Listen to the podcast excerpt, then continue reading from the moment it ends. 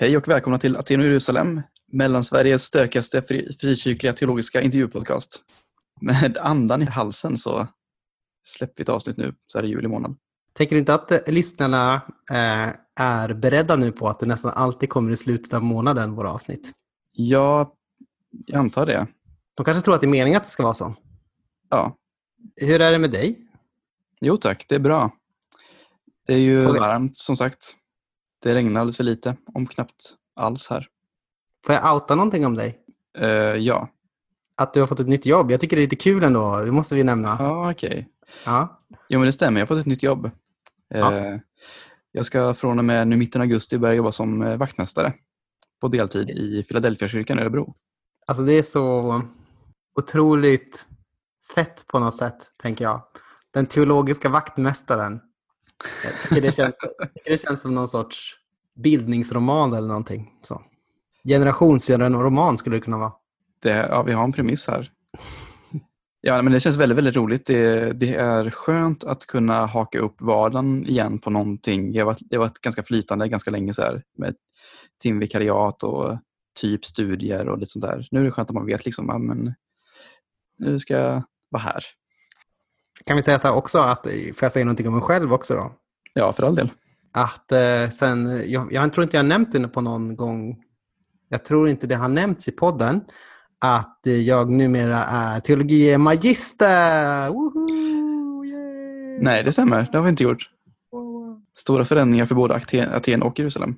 Precis. Vem av oss är vem? Det kommer ni aldrig få veta. Är det än så att de syftar på oss som personer? Antagligen inte.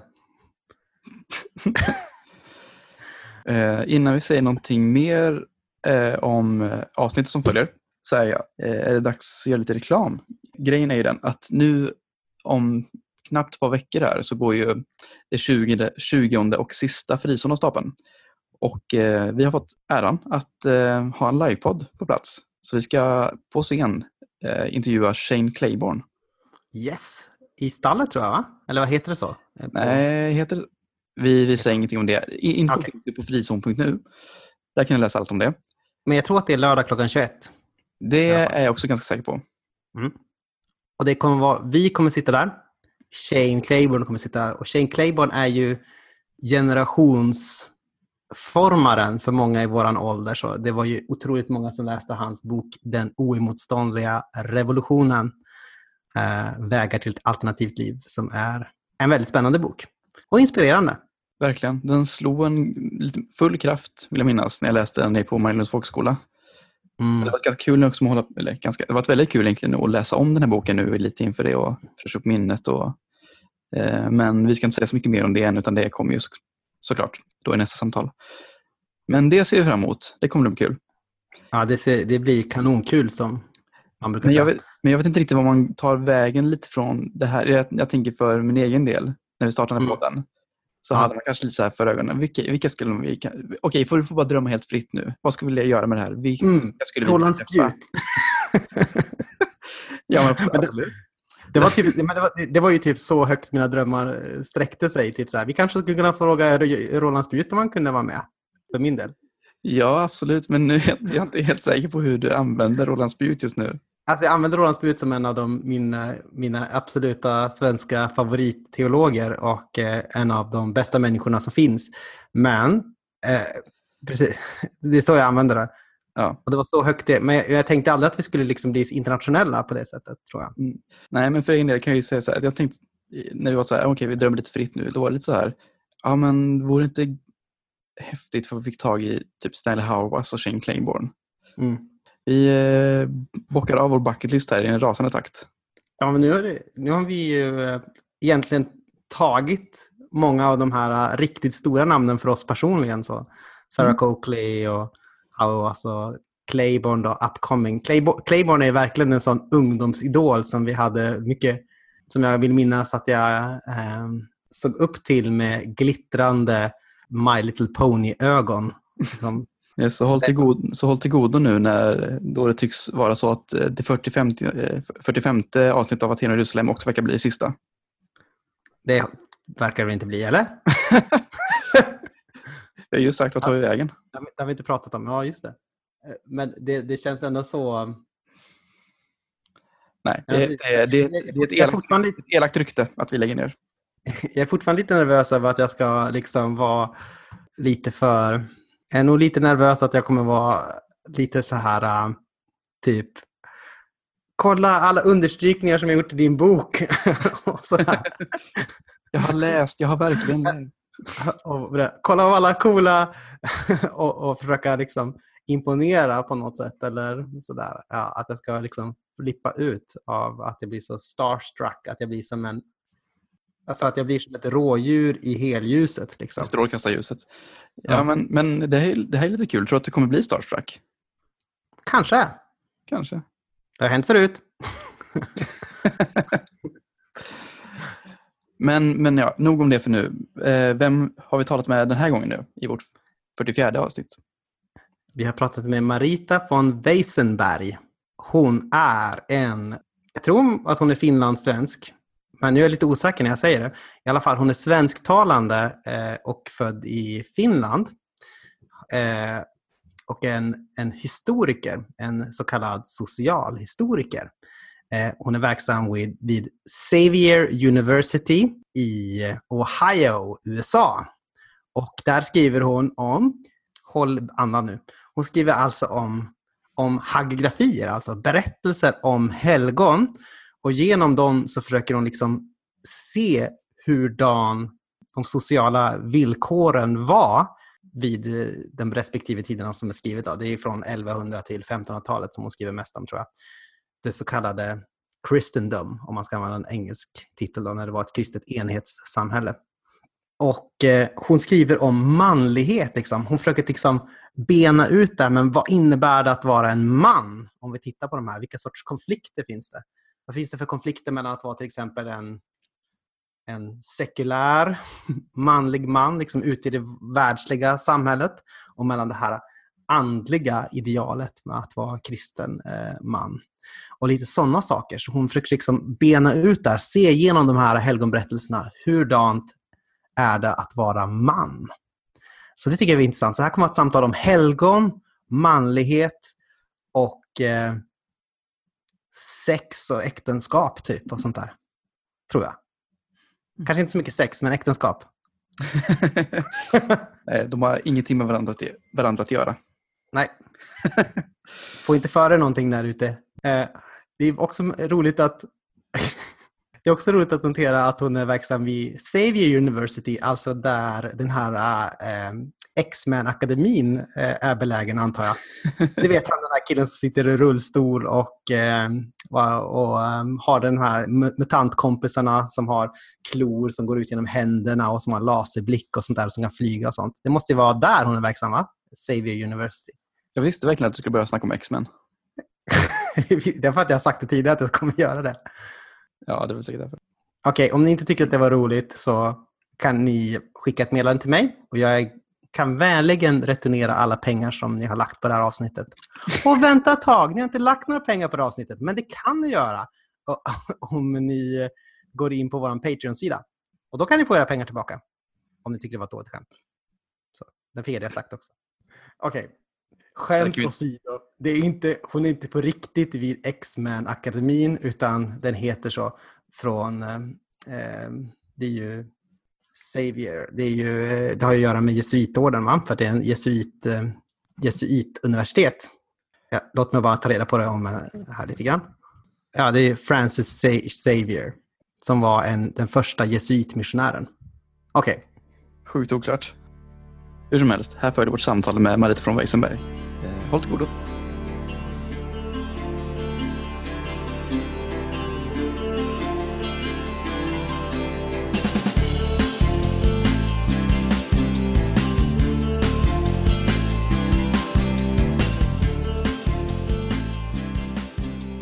Hej Marita! Hej! Hej! Du är förmodligen ganska okänd för de flesta av våra lyssnare, så skulle du kunna presentera dig lite kort? Vem du ja, är? Absolut, jag heter Marita von Weisenberg. Um, jag är för tillfället professor, assistant professor um, vid Xavier University i Cincinnati, Ohio i USA. Här är alltså så hur det fungerar att 50 procent av min arbetsuppgift är att undervisa, 30 procent är forskning och sen 20 procent är man sitter på kommittéer och funderar ut att, att hur mycket ska elever lära sig dittan eller dattan. Och mm. uh, min specialitet är alltså europeisk scenmedeltid och det är det som jag undervisar. Och jag forskar också i senmedeltiden och det som jag intresserar mig för är hur genus, religion, kultur, samhälle, hur de kommer tillsammans och försöker sen förstå att hur individer förstår um, delvis sin egen tro men delvis också sitt genus och hur de, som kommer ihop. Mm. Förstår. En helt annan sak som jag tänkt på ända sedan eh, Anton presenterade eh, dig och ditt namn för mig. Eh, och jag undrar, finns det något som helst släktskap med eh, styrkelyftaren Isabella von Weisenberg? Antagligen alla von Weisenberg um, i Norden är släkt med varandra men att jag vet inte exakt hur vi är släkt och, och sådär men att, att min, min kusin som är väldigt inne i det här med släktforskning så kan säkert säga att oftast inom akademiska kretsarna så eh, frågar folk om jag är släkt med Hanne von Weisenberg som är teolog um, från Helsingfors universitet men nu så hon jobbar för uh, Tammerfors stift, så det är den personen, den kändisen som folk brukar förknippa med. Sen Marina von Weisenberg som var EU, um, Europeiska parlamentets ledamot någon gång i tiderna. Men att styrkelyftarna, så det måste jag också googla sen. Att se. Ja, det här och, vi släkt. En väldigt framgångsrik eh, namn, eh, namnkrets kan man säga då, eller? ja, det beror väl på hur man, vad man ser som, som framgångsrikt. Vi brukar vara väldigt um, duktiga på det där att, att vi vill bli ganska kraftigt inspirerade och inne i någonting och så gör vi det. Um, så det, ja. Men, men det, det kanske kan haka tag i nästa fråga. Det är ju ett ganska så specifikt område du, du forskar på och, och, mycket av det som jag har stött på, som du har skrivit om, handlar om hagiografier, alltså helgonberättelser. Och då särskilt liksom manlighetsideal som är kopplat till de här berättelserna. Hur kom du liksom in på den här banan? Det, tänker, det kanske inte så som man tänker varje dag, alltså som i femte klass, att det här ska jag ägna mig åt? Eller no, nej, det, det, brukar man inte göra. Fast för mig var det ganska tidigt så att, att det var nog europeisk medeltid som det skulle handla om. Att, att, mm. att allt, allt det där, att som, som liten barn så, så läste mamma Sagan om ringen högt åt oss. Och, oh, vet du, det var för språk man inte för, förstod för innan och jag växte upp som i, i Finland med en mm. amerikansk mor och en finlandssvensk pappa men liksom östra Finland. Så det var ganska sällan man stötte på språk som man inte kunde. Um, och, och det var fascinerande och, och de hade sån här liksom mytologi och liksom världsbild som var så annorlunda än vår. Jag var så det där. Och så var det någon lärarinna i första klassen, Seija, som sa att ja, den där Sagan om ringen som det baserar sig på en liksom historisk tid. Och så med med sjuåringens klarhet så insåg jag att då måste ju originalet vara bättre. Och det var nog där det började sen. Um, och så började jag läsa historia som vid Åbo Akademi. De hade ganska bra medeltidsforskning som man kunde läsa som biämne. Så därför ville jag till Åbo Akademi också och studera på svenska. Så där, ja. man har gjort nästan hela sin skola på finska och sen lite franska och varför inte svenska? Um, och sen så, så kom jag i ett sånt program att fara till Rom och läsa medeltidskunskap i samband med Vatikanbiblioteket. Och det var ju fantastiskt. Jag hade student i medeltiden och, och, jag kan franska, så ja, vet du, religion är väldigt intressant. Jag är väldigt intresserad av hur folk upplever religion och tänker mm. sig själva som individer i samma, samma, liksom, samarbete men också i förhållande till Gud och gudomen. Och så hade jag tänkt lite katarer, sådär kättare i södra Frankrike. Mm. Så läste jag en bok som hette Vivre en Provence och dernier siècle de Moyen Âge, alltså att leva i, i Provence, södra Frankrike under medeltidens sista decennier. Det var ett kapitel som pratade om ett, ett par, um, Dauphine de Michel och Elzade de Sabran som är alltså ett gift par. Han är helgonförklarad och hon är då uh, saligförklarad och de var gifta i många, många år i ett sånt kyskt äktenskap, eller jungfruligt äktenskap tekniskt sett. Jag var såhär, wait, wait, wait. Hur kan helgon vara gifta? Att mm. jag var då inte, det som jag visste om, om, om, om katolicismen under medeltiden eller överlag så var ganska begränsad. Uh, jag trodde ju att jag, jag vet ju sådär med den klarhet som man när man är 20 år och man, man vet allt om medeltiden och man vet allt mm. om medeltidens religion som ju absolut inte, inte är sant, um, kan jag nu säga 20 år mm. senare.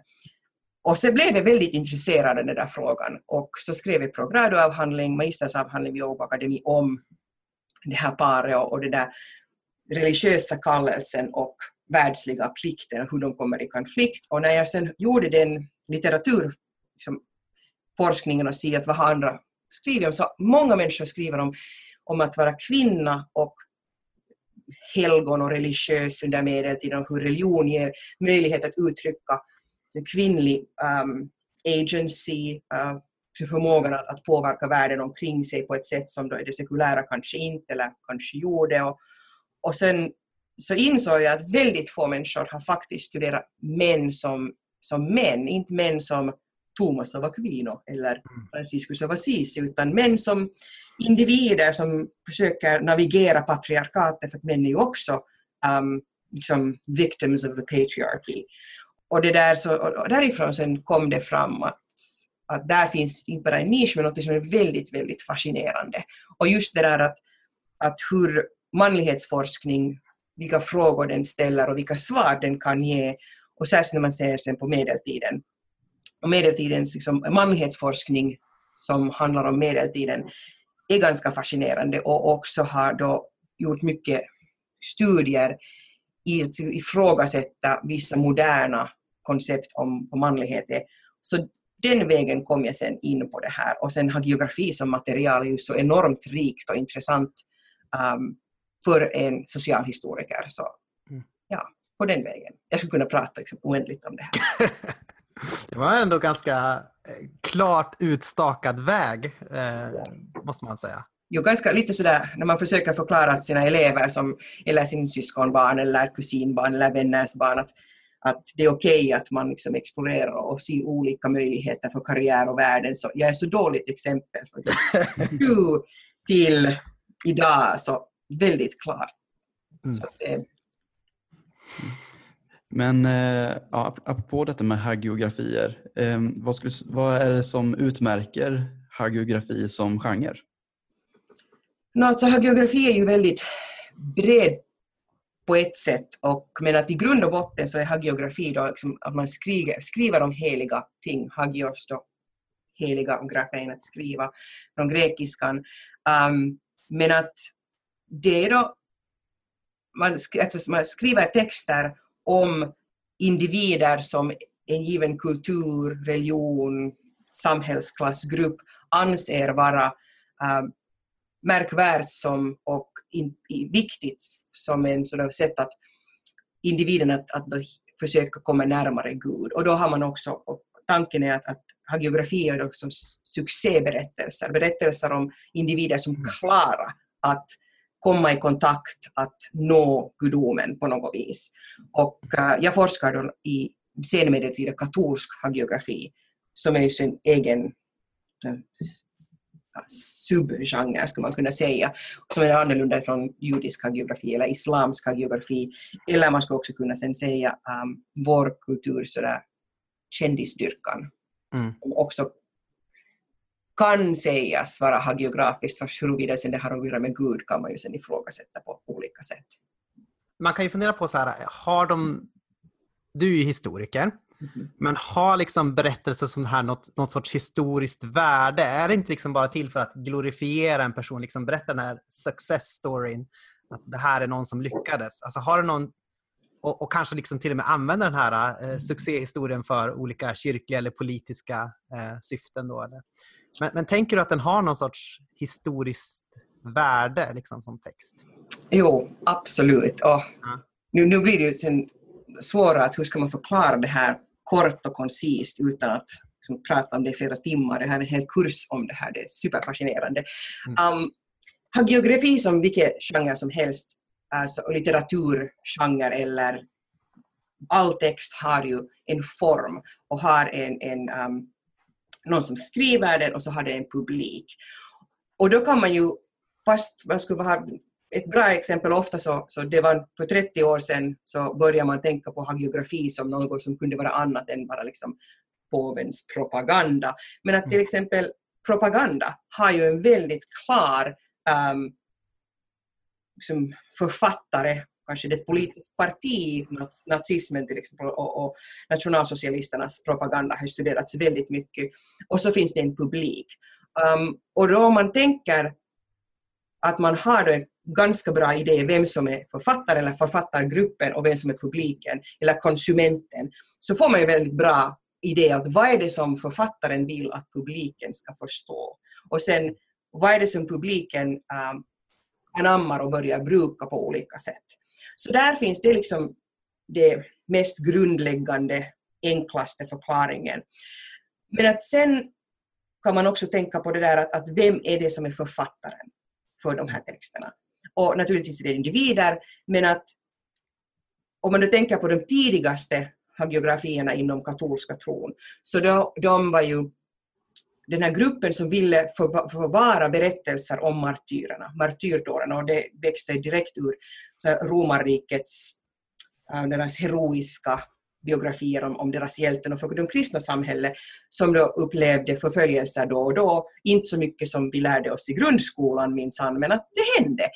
Mm. Och det var viktigt uh, för själv, hur man förstod sig själv och sen att man hade de här berättelserna om hjältarna, martyrerna som, som stod emot då kejsaren eller lokala befolkningen. Och ibland lokala befolkningen som då gick emot kejsaren som var nej, ni ska inte ta livet av alla kristna lokalbefolkningen som sa att jo, vi vill. Och, och det, där, det där hela liksom soppan, så där ville man ha sina hjälten. Precis som romarna hade haft sina hjälten och grekerna har sina Herakles och så vidare, Herkules. Och, um, och därifrån så sen började det så småningom liksom bli en så här jättestor genre när martyr, martyrdöden inte mer var en möjlighet, när alla hade you know, obekvämt nog blivit kristna. Hur ska man då bevisa att man är en god kristen? Man kan inte begå mm. martyrdöden, så blir det liksom det själv äh, skapade martyrlivet som munk, som eremit och så vidare. Och sen blev de liksom, föremålen för hagiografier och, och, och, så småningom så blir det större och större som, som litteraturgenre. Och då börjar man ju se att det mycket har att göra med minne. Hur communi- som the community um, samhällsgruppen, hur gruppen vill komma ihåg sina hjältar. Precis som hur vi vill komma ihåg våra hjältar. Vem det nu sen är, jag tänker på Finland och, och Mannerheim, Marskalken Mannerheim, hur vi vill komma ihåg Mannerheim och, och är det tillåtet att prata om kanske saker som han inte var så fantastisk för och vad är det som man, så man gör ju val som författare, vad är det som man tar in och vilka minnen man tar in. Och sen ibland kanske kommer folk få lite helgon som faktiskt inte existerar överhuvudtaget. Och, och det blir sån här process, men där ett oberoende så kan man då tänka att det finns ett syfte för de här texterna. Och det finns ett syfte att, att antingen att man berättar om den här hjälten men inte den här andra hjälten. Varför pratar vi om, um, om munkar mera än nunnor? Det har mycket att göra med, med det där att under senantiken och sen också under då, uh, tidiga kristna tiden så var ju män de som, som man ansåg vara liksom, riktiga människor. Kvinnor var ju inte egentligen människor. Och sen så, så naturligtvis pratar man sen mera om det manliga och männen och munkarna och biskoparna och eremiterna medan nunnorna och um, de, de goda husfruarna de blev mindre viktiga sen efter martyrtiden. Fast under martyrtiden så var det ju mycket väldigt viktiga kvinnor som, som man beskriver om um, Sankta Perpetua och Cecilia och Agnes och så vidare. Um, ja, och sen fast forward till högmedeltiden. Och där så ändrar sig den här kulten av helgon, att vem som vördar helgon och vem som tillåter helgonvördnad. Det går bort från den lokala gruppen så blir det mycket, så över ungefär 200 år så finns en skift från lokala gruppen till påven. Mm. Och i den processen så, så har man också en mycket, väldigt mycket litterär produktion. Och där så har man då, så gäller det för, för lokala gruppen som då har någon som de tycker att borde vara um, som de anser är hel, helig, är ett helgon, någon som är, är värdig att, att beundras, någon som är värdig att imiteras, någon som är som är värdiga att, att förstås som helgon och som också förmedlar mirakel från Gud som är mycket viktigt. Så de måste på något vis försöka övertyga påven som aldrig hört talas om den här kurfen att, mm. att den här personen är faktiskt helig. Och då skriver man biografier som ska övertyga liksom, hela det här systemet Ah. att en person är helig. Men samtidigt så måste ju lokalbefolkningen känna igen den här personen. Och det, samtidigt som det här händer så finns det hela kanoniseringsprocessen ändras kraftigt från ungefär 1100-talet framåt till att vara en juridisk process med vittnesmål, med um, biografier, med um, nota, ett helt notariesystem för att då se till att den här helgonen är verkligen um, vör, värdig att bli vördad. Och så när man skriver en biografi så, och skickar den sen till Rom och så kommer det från Rom en massa uh, hela en sån byråkrati till det lokala samhället för att intervjua vittnen. Och alltså hundratals vittnen i vissa fall. Um, Den heliga Ludvig av den Ludvig IX av Frankrike, så det var hundratals vittnen som, som intervjuades. Och det om man tänker på såna här, liksom, de flesta har ju sett TV-programmet Law and Order eller Mm. när man har sådana vittnesmål och det ska, det ska uh, sväras och det ska då liksom korsexamineras. Och det kommer ju från det här samma uh, medeltida lagpraktiken. Då.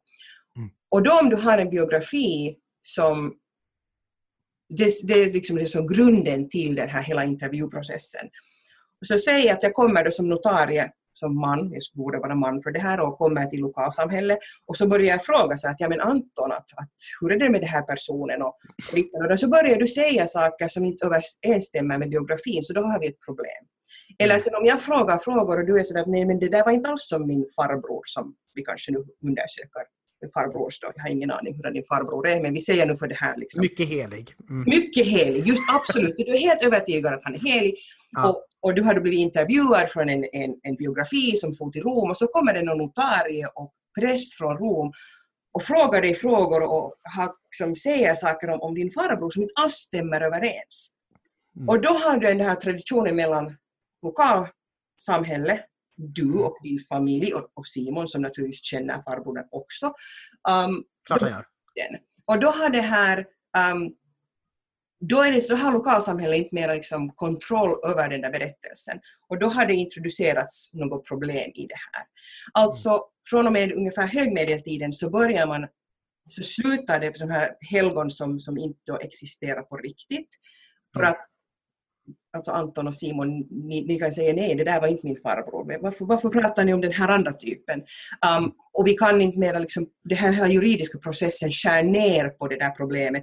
Men juridiska processen gör också att, att det, det där samhället som kände helgonet, kanske fysiskt på riktigt eller åtminstone berättelsen, hur samhället liksom kommer ihåg den där personen. Så de blir författarna på ett sätt för det här helgonet. Så det där med, med um, hela juridiska processen som sätter igång vikten av, av vittnesmålen och att samhället fungerar som primärkällor för de här berättelserna. Så det händer då samtidigt som, som individers tro är mycket mer, liksom, kopplas liksom bort från det mirakulösa in i det vardagliga. Man ska leva Mm. um, dygder, man ska leva som en god kristen. Och då är det jätteviktigt för er som kände farbror att se till att, att, att de här kanoniseringsprocesserna och notarierna och prästerna och, och kardinalerna och påven förstår exakt hur farbror levde i det vardagliga livet. Mirakel är fantastiska och viktiga, men det är hur det är man lever. Och allt det här knuts in i det här högmedeltidens stora, stora strukturella, kulturella och religiösa förändringar. Så sen när man säger att ja, ja, det här är påvens propaganda eller det här är katolsk propaganda, så det finns ju en sanning i det. Men samtidigt så är det ju liksom Anton och Simons propaganda om att världen ska förstå hur fantastisk farbror är, hur viktig farbror är och hur Mm. farbror fasta och farbror um, liksom byggde med sina egna två händer två kyrkor och hur att det är liksom det som blir en sån där dragkamp på ett sätt mellan det som ni uppfattar som heligt, eller som kyrkan tycker att, att ska liksom göras känt runt om i världen. Mm. Det var ganska mycket. Som jag brukar fråga mina elever, did that make any sense? Ja, det tycker jag. Men man kan också tänka sig att just det här att det är påvens propaganda kanske är del i hela den här... äh, Det finns ju en ganska... har ju länge funnits en ganska stor, eh, i akademiska kretsar inte minst, en väldigt stor antikatolsk eh, stämning tänker jag. Uh, så.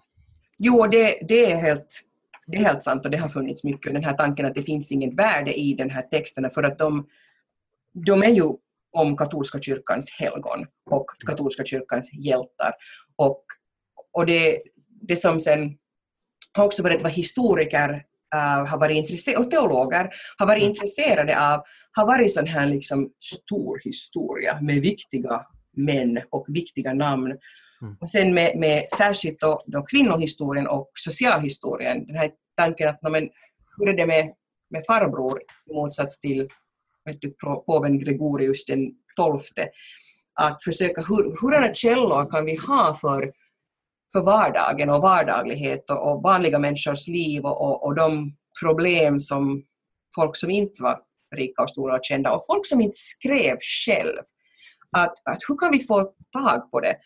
Och sen så, det finns en mycket känd artikel var, var, um, av Pierre Deleuze och han skrev som också en bok, bok om sociologi och, och kanonisering där han då påpekar att, att, att det är från, från 1980, tidiga 80-talet, att i de här kanoniseringsprocesserna särskilt, som nu alla finns, eller inte alla, men de flesta finns bevarade, och uh, också från de här helgonberättelserna, så där så, så särskilt från och med sen, högmedeltiden och senmedeltiden, för att det där vardagslivet, hur en person sätter in kristna dygder och um, imitatio Christi, alltså att, att imitera, efterapa um, Kristus i sina dagliga liv. Så där får man en massa sådana vardagsgrejer, vem som är släkt med vem och, och, mm. och, och, och vad gjorde du när farbror, vad vet jag, hela Simons brutna ben, um, sådär hypotetiskt.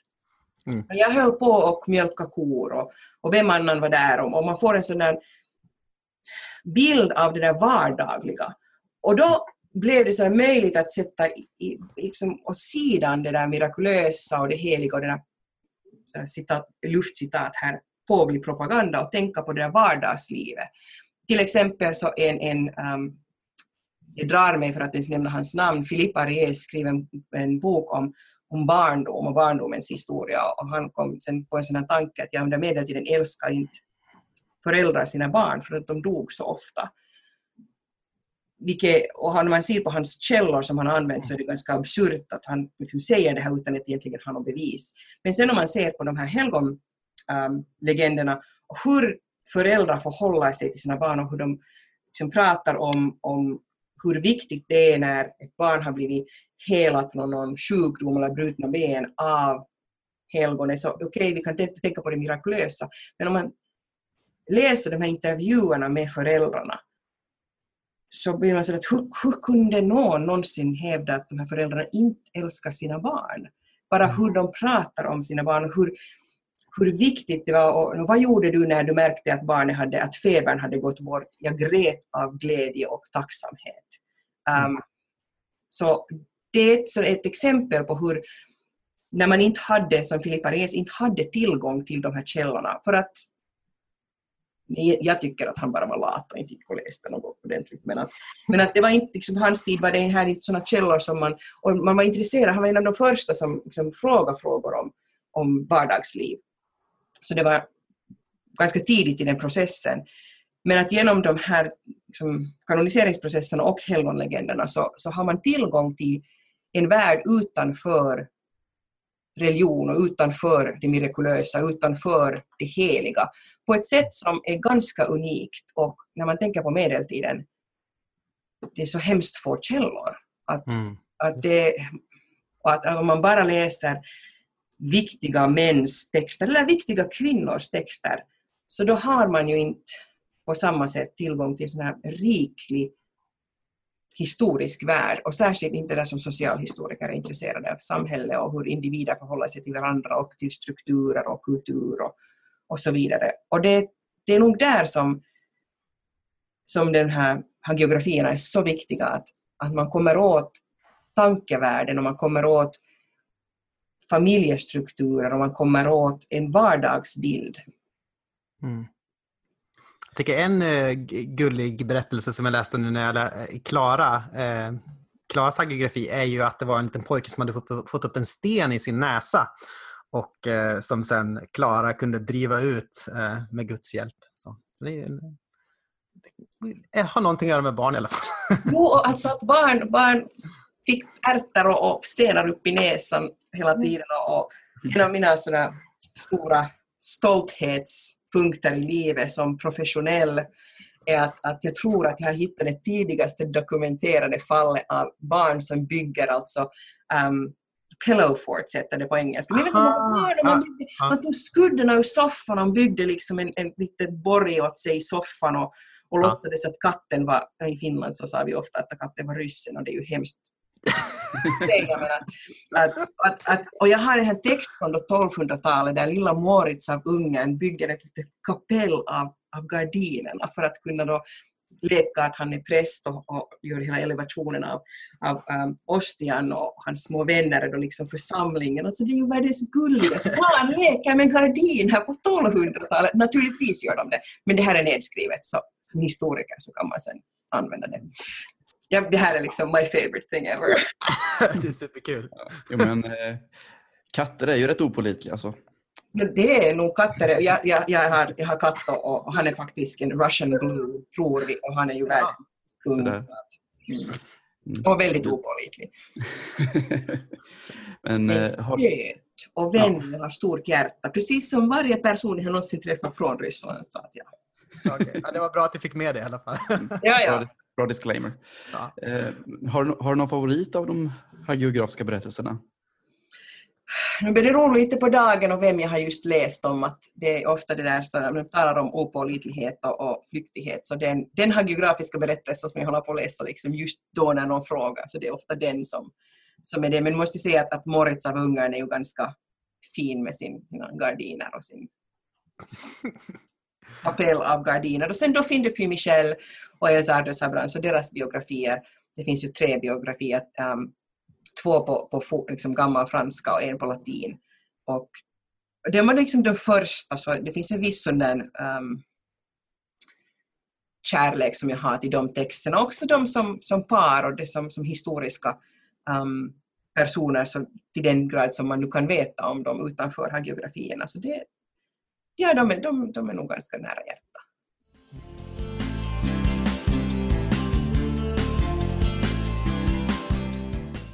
I, I, din avhandling så skriver du om, om berättelser eh, från 1100-talet till 1500-talet.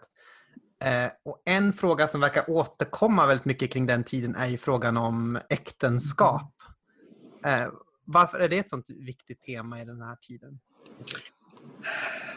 Så där så det är ju under den här samma processen som en, alltså det är en, en konsolidering av, av kyrkans, katolska kyrkans makt, delvis till Rom och också till ett mycket mer strukturerad um, system. Vi tänker ofta på något vis att katolska kyrkan har alltid haft påven som huvudman och liksom sån här hierarkiskt nätverk genom hela världen, men det är faktiskt en högmedeltida fenomen på många sätt.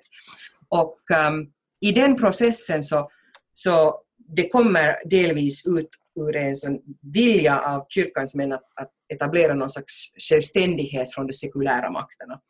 Um, och definiera vad det betyder att vara präst, munk, klerk, en professionell religiös. Då. Och i den här, det här har studerats massor, men det finns lite mindre uh, forskning runt ett sådana fenomen som, som gick hand i hand med det, att man definierar vad det betyder att vara lekman, att, att då inte vara professionell religiös. Um, att vad det betydde att vara kristen, ja, vet du. Skomakare? Precis, jag tänkte just säga skomakare. Skomakare eller, eller mamma till 14 barn. Och, och det här um, och in i den här processen så, så börjar man sen också tänka, nu, vad är det som gör att, att då, klärkarna och lekmännen är, är skilda och annorlunda? Att alla är ju kristna, men att var är skillnaden och var är liksom auktoriteten och hur det ligger. Och, och genom det här så där börjar också den här, här um, prästliga kyskheten och, uh, och celibatet komma mycket mera fram. Um, någonting som, som man ju ser särskilt bland sådana lägre stänspräster mycket långt in fram till ja, reformationen. Um, men att, att det blev mycket mer viktigt och någonting som, som man faktiskt kunde komma in ganska mycket problem med om man då hade en fru som präst. Och därifrån kommer den här tanken att, att prästerskapet är då celibat och lekmännen det är de som gifter, alltså de gifta och de ogiftens ständer om man skulle kunna då säga. Och genom den här processen så, så um, det var också samtidigt så det är massa kungar som vill skilja sig och kungar som har drottningar som inte får barn och, och, och, och sen blir andra personer arga när en kung åsidosätter sin fru och sen liksom det här att, att vem definierar vem definierar äktenskap? Um, och vem definierar arvingar? Och den person som, som folk vände sig, så kungar vände sig, var ofta då biskopar och, och, och påven. Och ur det här som sammanbandet att man försöker skilja åt prästerskapet och lekmännen och sen också um, definierar äktenskap så utvecklar kyrkan en väldigt vacker och väldigt ingående äktenskapsteologi och äktenskapslag. Alltså det blir då en, en um, kyrkans angelägenhet helt enkelt och äktenskapet som sen börjar nämnas som det sjunde sakramentet från och med 1200-talet. Så där kommer sen in det här, det här um, tanken att, att äktenskap det är en viktig del av att vara kristen och det här kristnande av äktenskap. Och till exempel i helgonbiografier så, så börjar man sen läsa sånt här att ja, att i motsats till vad vissa människor tror så är äktenskap kristet och man kan nå helighet inom äktenskap. Och um, när äktenskapet hade sen definierats så hade en, en ganska bra idé teologiskt och socialt och lagligt. Och det är just något som kommer um, ja, på 1100-talet och sen framåt. Och det är därför jag har sen valt att titta från ungefär, sådana runda tal är alltid vackrare än att ja, 1173, men att 1100 då fram till, till protestantiska reformationen, så det är ungefär där jag ser. För att jag ville se att, att där i, liksom, när vi nu har en ny sorts helgonbiografi som är då mindre, um, ja, mindre fantasifull, kanske man kan säga, um, och man har då äktenskapsteologi och äktenskapslag som utvecklas. Att finns det några så stora skillnader mellan vet du, biografier som skrivs um, på tidiga 1100-talet, till exempel um, Helga Knut av Danmark, hans biografi, finns det någon stor skillnad där och till exempel en ehm, um, Dorothea von Montau, från 1300-talet, uh, eh, som biografierna skrevs på slutet av 1300-talet, att, att finns det en skillnader hur äktenskapsteologi uttrycks. Um, så det var därför jag liksom ville sen ha den tidsperioden och just äktenskap som, och när äktenskap definierades som, som sån ledande tråd.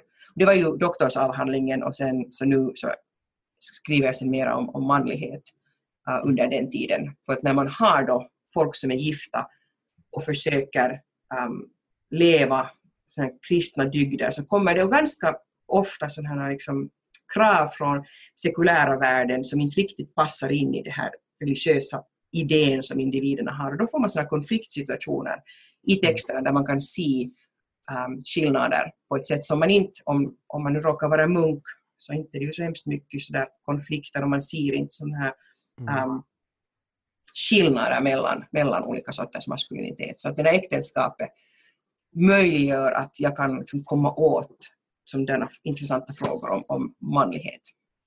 Precis. Det, det är ju... Du målar ut en, en, konflikt kan man säga mellan, mellan ett sekulärt eh, högerståndstänkande när det kommer kring äktenskap. Alltså det, det finns någonting att vi måste föra släkten vidare, vi måste föda söner och så. Och det är ju det att eh. äktenskap egentligen om äktenskap eller äktenskap bara det att, att man ska kunna definiera arvingar. Ja. Och det är ju ganska mycket där att, att äktenskap um, och äktenskapslag under medeltiden ger väldigt mycket att poängen är att man ska definiera arvingar. Mm, precis. Och så sen så har vi också där å andra sidan de som lever eh, kyskt då i sina äktenskap, alltså när man, eller jungfruligt, att man inte har, ja, man har inte sex helt enkelt så. Um, jag och tänker liksom... värt att, att skilja åt att, att ett jungfruligt äktenskap eller ett äh, sexuellt avhåll, avhållsamt äktenskap är ju annat än ett kyskt äktenskap. Mm att, mhm. att, vi tänker på svenska att kyskhet är samma sak, men under medeltidsteologi att, att du leva kyskt betydde att man um, bara hade reproduktiv sex, man hade sex om, på de dagarna som det är tillåtet. Um, och liksom, det fanns då en, en sån viss system att man, man ett kyskt äktenskap så betydde ju inte att man inte hade sex under medet, utan man följde de här reglerna. Men att ett jungfruligt äktenskap är ett äktenskap där då båda parterna har då, um, ja, ibland kan man säga att en, ena parten levde jungfruligt och så säger de ingenting om den andra och så kan man anta att kanske den andra har haft sex med någon någon gång men inte med den här jungfruliga parten. Och sen naturligtvis avhållsamma, där folk, uh, parterna har haft sex och kanske haft barn till och med, men sen inleder ett jungfruligt eller inte jungfruligt avhållsamt äktenskap. Och det här är terminologi som jag kan mycket bättre på engelska, men att, att skilja åt de här så är, är ganska det var ungefär 30 procent av min mastersavhandling. Chaste and, vad blir det? Chaste, virginal, virginal and abstinent. Ja, ah, just det. Det är tre olika termer liksom som man kan, ja ah, just det. Spännande. Men, men det, där, blir det ju, där är det en ganska tydlig konflikt ändå mellan två olika sätt att tänka eller definiera på äktenskapet. Eller, mm. alltså just om det är, handlar det liksom om den här, handlar det om att eh, definiera arvingar eller eller, vad, vad, är det, eller vad handlar det om någonting annat? Liksom? Uh, hur tar den här konflikten liksom uttryck i, i berättelserna?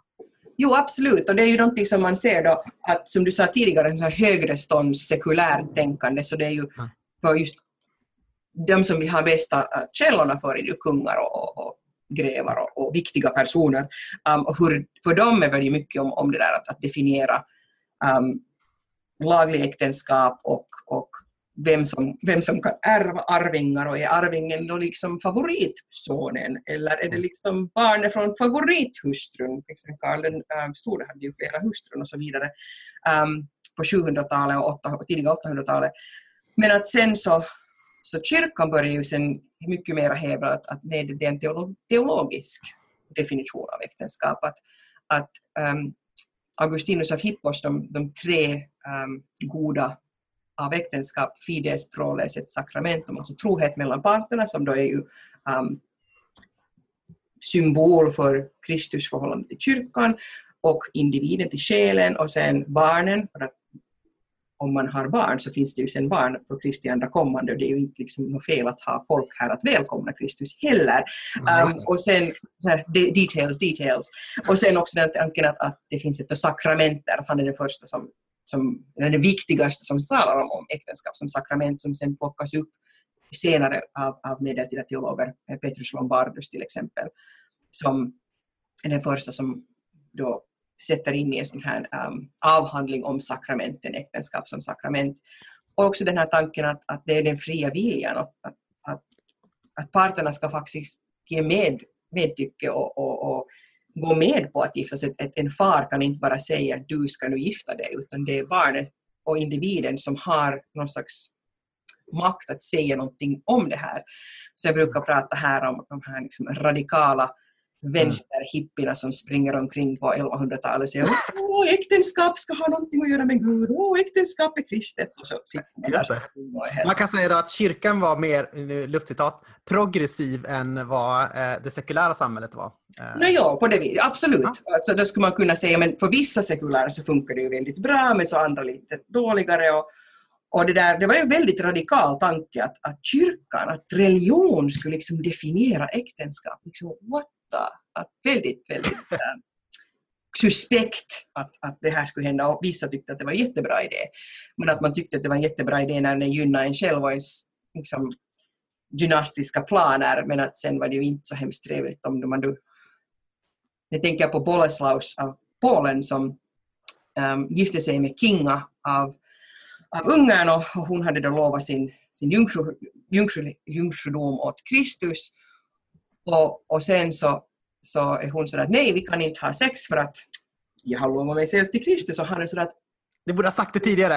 Att just, ah, jag skulle ha sagt något tidigare, men att framförallt så han är ju sådär i panik att det blir ju, det blir ju inbördeskrig i Polen. Mm.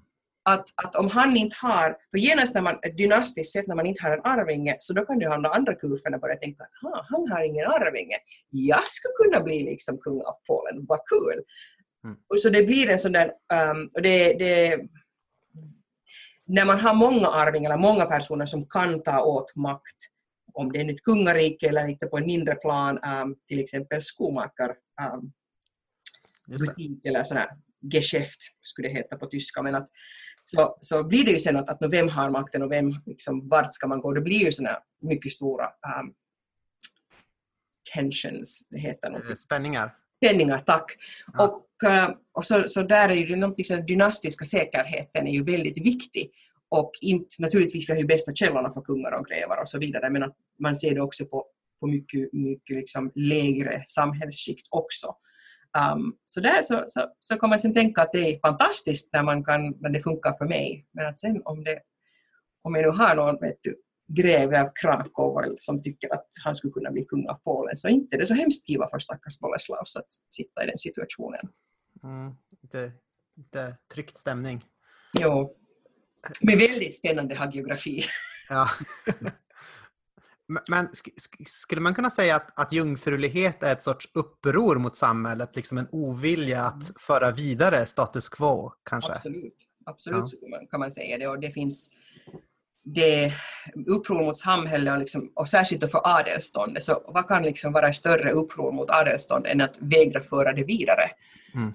Som Diane Elliott har skrivit i, i, um, i sin, sin mycket viktiga bok om, om sexual abstinence in medieval wedlock. Det där att tanken att, och det är ju någonting som, som kvinnor särskilt har blivit uppmärksammat för inom, inom liksom, då, um, forskningen men att man ser det också annanstans, den här tanken att kvinnor hade ganska lite, deras makt var ju sånt som tog uttryck i, i sådär lite subversiva situationer. Att de hade då kontroll över mat och de hade kontroll över vissa sådär samhälls... Um, så nätverk, kvinnor är väldigt viktiga för sina nätverksbyggande. Men att också kvinnors makt över sin egen kropp så är ju något som är mycket problematiskt. Um, och särskilt för män som vill kontrollera den här kroppen och kroppens potential för moderskap. För egentligen så vad är äktenskap om inte under medeltiden att man för en kvinnas fruktbarhet och potentiella moderskap från kontrollen av en man, fadern, till en annan man, mannen då, äkta mm. mannen. Så, så att en kvinna som vägrar. Transaktion. Mm. Så det är ju sen ett problem. Och det är naturligtvis helgonbiografier, det är ju succéberättelser. Inte hör vi ju de, de som kvinnorna som blev våldtagna av sina män, och, eller som vi skulle förstå det, bli våldtagna. Men att under den tiden så, så hade man ju inte på det viset tanken om att, att kvinnan hade liksom fysisk integritet på samma sätt. Um, särskilt inte inom äktenskapet. Så, så vi har ju inte de berättelserna på samma sätt. Mm. Men eh, vad skulle du säga, liksom, vad innebär liksom, i sekulära termer att vara en sann man under denna, denna epok? Så under sekulära um, termerna så, så är, och det här är också för religiösa termer, är det liksom kontroll. Men vad man har kontroll över är då lite annorlunda. Det sekulära liksom manlighetsidealet att man har eh, kontroll över sitt yrke, om man är riddare, att man kan då utföra riddarskapet, svärd och hästar och, och kommando och så vidare. Om man är skomakare, det är att man kan göra sitt yrke bra och man är respekterad båda, i båda sådana situationer, man är respekterad av andra män. Man har kontroll över sin egen kropp, man liksom, att, att till exempel att, att äta för mycket, gluttony, mm. är, är ju brist på själv, självkontroll och härska över sig själv. Och så skulle man också kunna, och kanske ordet härska är ganska bra på svenska, att man skulle också kunna härska över, um, om man var då vuxen man, över sitt liksom, hushåll. Det är inte bara fru och, och, barn utan också om det finns andra som bor i det där hushållet, så då um, betjänter och, och slavar och, och folk som, um, som då jobbar för en och så vidare. Um, det var också väldigt viktigt, som till exempel om, om jag som barn gör, bryter mot lagen eller gör någonting som är liksom bara inte respektabelt, så då faller det ju på då, då pater familias, alltså då min far, på hans liksom ära. Och det är mycket att göra med ära. Mycket att göra med ära och mycket att göra med respekt från andra män. Och, mm. och det är liksom då manlighetsidealet. Hur det sen uttrycker sig beror ju sen på geografi, det beror på yrke, det beror på samhällsskikt. Så det kan se mycket annorlunda ut för kungar och riddare än det gör för um, handelsmän eller um, artisans, alltså Eh, hantverkare, va? tack, hantverkare. Ja. Eh, Så, så det är också någonting så att, att som är intressant att se. Det finns ju många olika sorter, alltså maskuliniteter är ju ofta inom, inom um, forskningen så talar vi då om, om det finns många liksom, maskuliniteter i, i motsats till maskulinitet. Att många olika sätt att då vara man. Men att de är alla nog kommer ner till det där att, att respekt från andra män och att man har någon slags kontroll och härskar över sig själv och andra. Hederskultur helt enkelt. Med, kanske man Ja, man, skulle, man skulle kunna säga det, hederskultur. Det är ett bra uttryck tycker jag.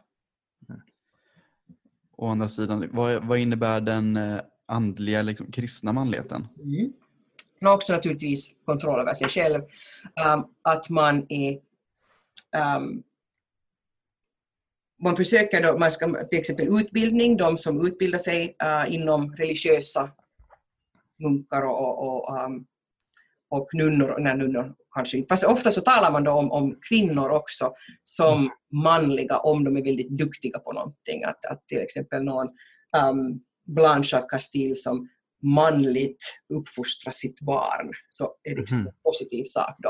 Um, men att, att um, den här tanken att man är då, har kontroll över sig själv och sina, sina drifter och sina, sina personliga vilja och ofta det där liksom andliga över det fysiska som är väldigt viktigt också inom det sekulära men man ser det särskilt inom det religiösa, man ska fasta, man ska be och bön är ju en liksom, fysisk prestation på många sätt. Det är också religiös och liksom, andlig prestation men också fysisk prestation.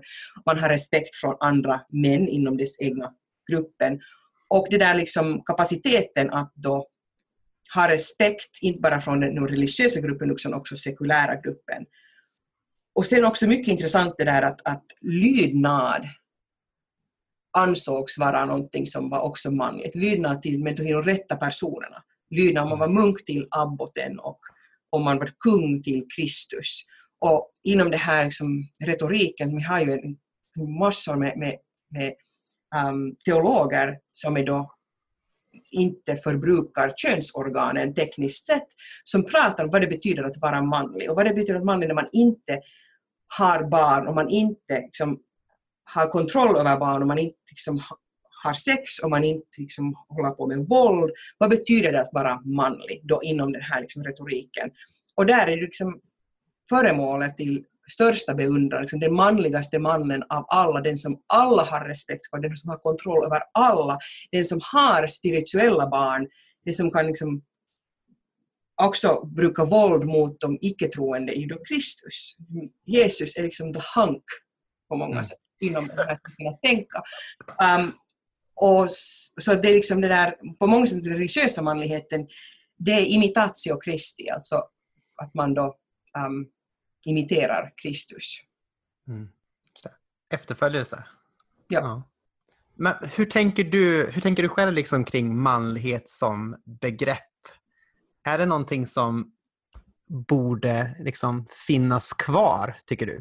Manlighet? Jo, jag tycker Ja. att manlighet borde finnas kvar. Och jag tycker också att det är viktigt att, att delvis om man tar bort hela konceptet av manlighet så, så hur, vad fyller den liksom, det avgrunde? Vad fyller Mm. den?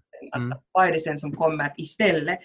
Och sen så också att, att, att jag tror att manlighet är så viktigt kulturellt och socialt för alla människor genom tiden att, att på något vis försöka göra bort med det så det skulle vara lite som att och sen hugger vi av vänster hand av alla. Liksom. Vad är det för poäng med det? Men att jag tycker att det är mycket viktigt att, att manlighet är någonting som är alltid i kris enligt forskarna. Då. Och jag tycker att det som man ser just nu runt en massa diskussioner om um, destruktiv maskulinitet, toxic masculinity på engelska och runt um, metoo-rörelsen och, och det att till exempel att, att det, i USA så är det en av sju eller tio män, beroende på vad man talar om, så blir ju uh, föremål för sexuella övergrepp också. Det diskuteras inte och det är också ett enormt stort problem här. Och naturligtvis överallt, jag har bara inte statistiken för Sverige eller Finland här, så där Mm. faktiskt.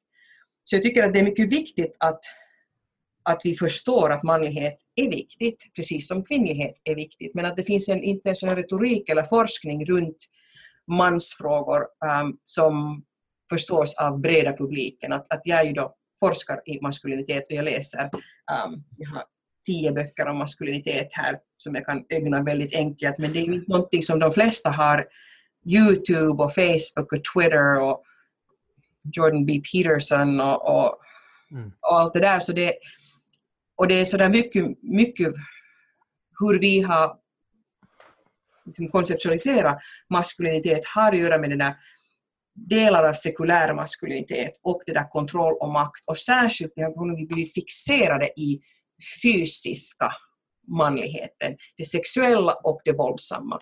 Um, mm. och på ett sätt som, som jag tycker att det är ganska förvånansvärt, eller inte förvånansvärt, det är något som man har vuxit upp med och det där att män har på ett sätt rätt till ens kropp och rätt till ens tid och rätt till ens ord på ett sätt som, som har på något vis normaliserats och som man ser hela tiden uh, runt omkring sig. Jag diskuterade det här på bussen idag med, med en dam sådär intressant nog och hur man ska då reagera till någon som, som kommer och försöker tafsa på en på busshållplatsen. Vad gör man i den situationen? Och hur män ser det mycket annorlunda än hur vi som kvinnor upplever det. Men att det är ju inte så hemskt länge sedan egentligen när det skulle vara omanligt att tafsa på en kvinna.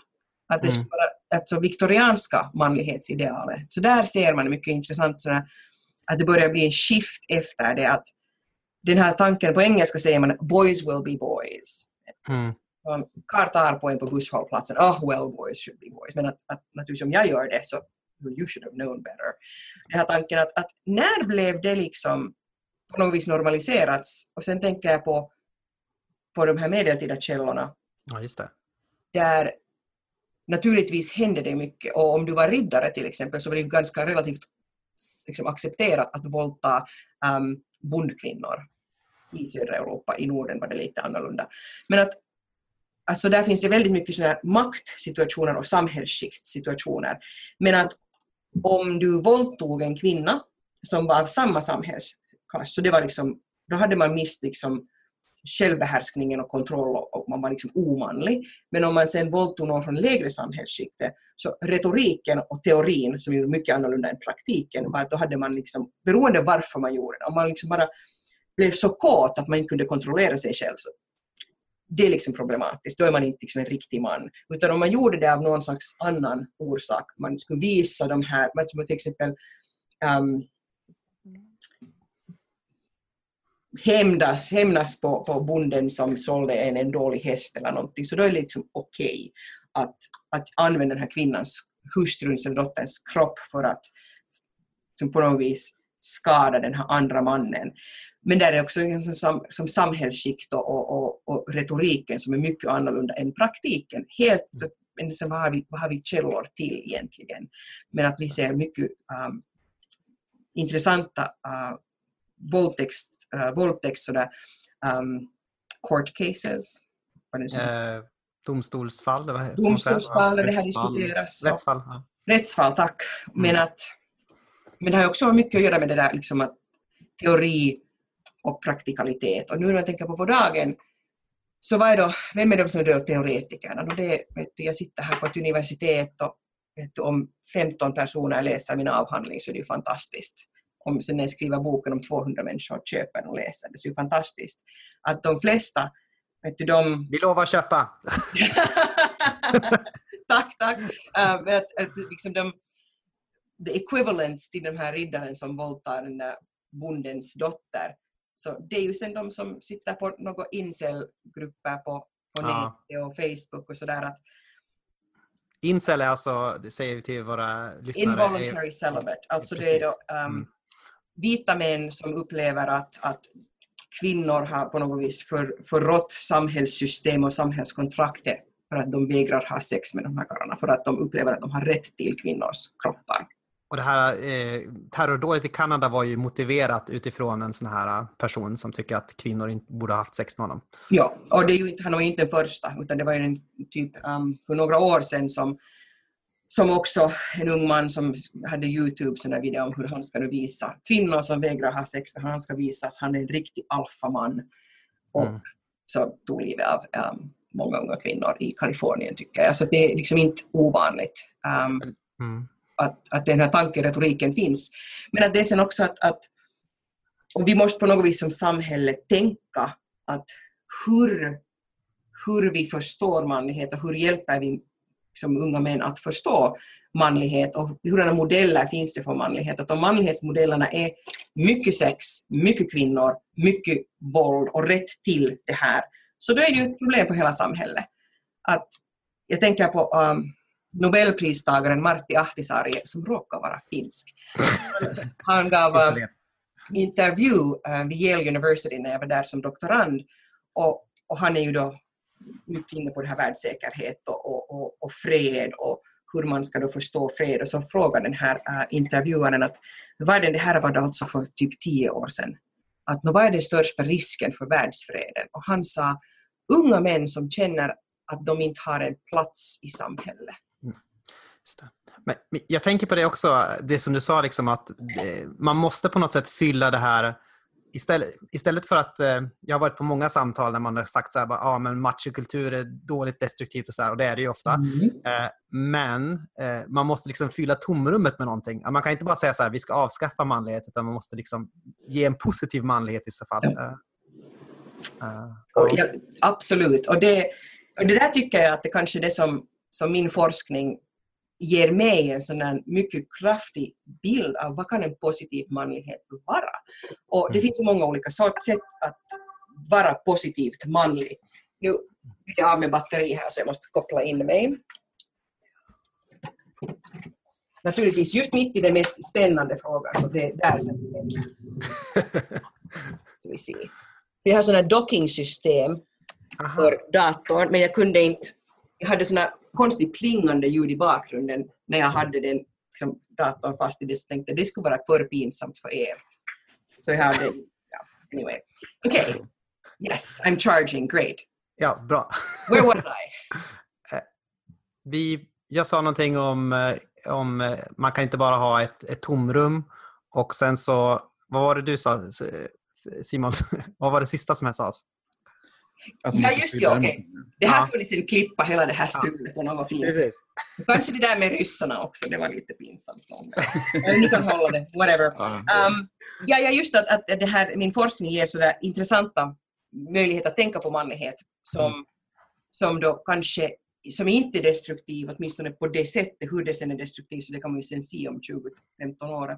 Att en sån här en positiv manlighetsbild som har att göra med på ett sätt som bygger upp sig själv, um, bygger upp sin egen identitet och, så, och de, mina källor, de, sin egen identitet som kristen man då, inom det här um, efterföljelse av Kristus och tanken att, att genom att, att riktigt ta åt sig um, de kristna dygderna som, um, nu naturligtvis kan jag de här inte på svenska, men patience, uh, humility, obedience, um, chastity um, och charity, att man då liksom genom att, att i princip hela tiden tänka att hur kan man komma närmare Kristus, hur kan man komma närmare um, ett liv som är då kristet. Så inom det här, så, så exemplen som man ser i de här helgonberättelserna, så ser man att det här bygger upp den här individens sociala liksom, förmåga också. Att om du nu är, um, det finns en kammakare som heter Pietro Pettinaio, och genom att hur han, han säljer sina kammar, hur han umgås med sina, sina kamrater, sina kollegor, hur han umgås, liksom, umgås med uh, maktstrukturerna i staden Siena. Han är superödmjuk och han är, han är alltid väldigt intresserad av jämlikhet. Att det här hörnet, här om man säljer sina kammar här så då klarar man sig ekonomiskt bra. Men jag har sålt här redan två dagar i sträck så du min kollega, du har inte haft chansen till det här hörnet, kom hit. Och, och liksom folk som säger att ja, du är så hemskt god kristen att, att, att vet du, jag säljer dig mina ben, um, så då hjorthornar, hjorthorn billigare och nej, nej, att du måste absolut liksom ha samma pris för mig som för alla andra. Och det här att hur, hur han hela tiden bygger in liksom, what would Jesus do i sitt vardagsliv gör att han blir, han får respekt från andra män, han får respekt från hela samhället, han får, han har liksom, härskar sitt hushåll, sin fru och fruns gudson då, liksom en, en ödmjukhet och en, en kärlek som gör att de är absolut lojala i det där hemmet. Hur han då pratar om sin fru och de säger då i texten att, att han kallar inte henne för sin, bara för sin fru utan som sin um, um, nu måste jag tänka på översättningen från latin, um, som hans, hans härskarinna och, och käraste. Att, att hur, hela, hur han förhåller sig till alla i den här texten är med absolut ödmjukhet och, och, och lydnad och en visdom. Och det är inte, när, när någon säljer honom produkter som är dåliga så betalar han stilt och lugnt och, och tar produkterna, gör han vad kan med det och så går han inte till den försäljaren på nytt. Mm. Men han säger inte åt andra liksom att, att den här personen är dålig nödvändigtvis utan att det här andra som säljer produkterna är mycket bra. Att, att försöka hela tiden leva på ett sätt som som främjar hans egna, naturligtvis det här är ju geografi, hans, hans förhållande till Gud, men också som argumentet som jag drar ur det här är riktigt det där att, att det som han gör som en kristen man gynnar hela samhället och honom själv och hans förhållande till hans fru och då, fruns gudson som är viktig i den här texten. Och jag tycker att där så finns det ganska positiva föremål för den. Det funkar ju om, om man är kristen, att sen om man inte är kristen så måste man ha andra uh, sätt att tänka på det, liksom det andliga och liksom alla, alla, alla religioner har ju mycket, mycket likadana dygder. Mm. Och det ger ju sen en, kanske en positivare möjlighet att, att förstå sig själv som man. Men jag tycker att inom kristendomen så vi har ju Kristus som är den manligaste mannen av alla. Och det är en fantastisk förebild på många sätt. Att hur det sen tilltalar folk som inte är kristna, så det kan man ju sen ifrågasätta. Men att jag tycker det i USA ganska ofta man ser personer som lever en väldigt destruktiv manlighet och hävdar att de är kristna. Och, och när jag tänker på mina texter och någon Pietro Pettinaio eller Zade Sabran eller Ludvig den nionde kung av Frankrike, hur de såg sig själva och, och gjorde en performance av kristen manlighet. Och sen tänker jag på vissa av de här som, som I'm a real Christian. Som, sådär, mm. Mm.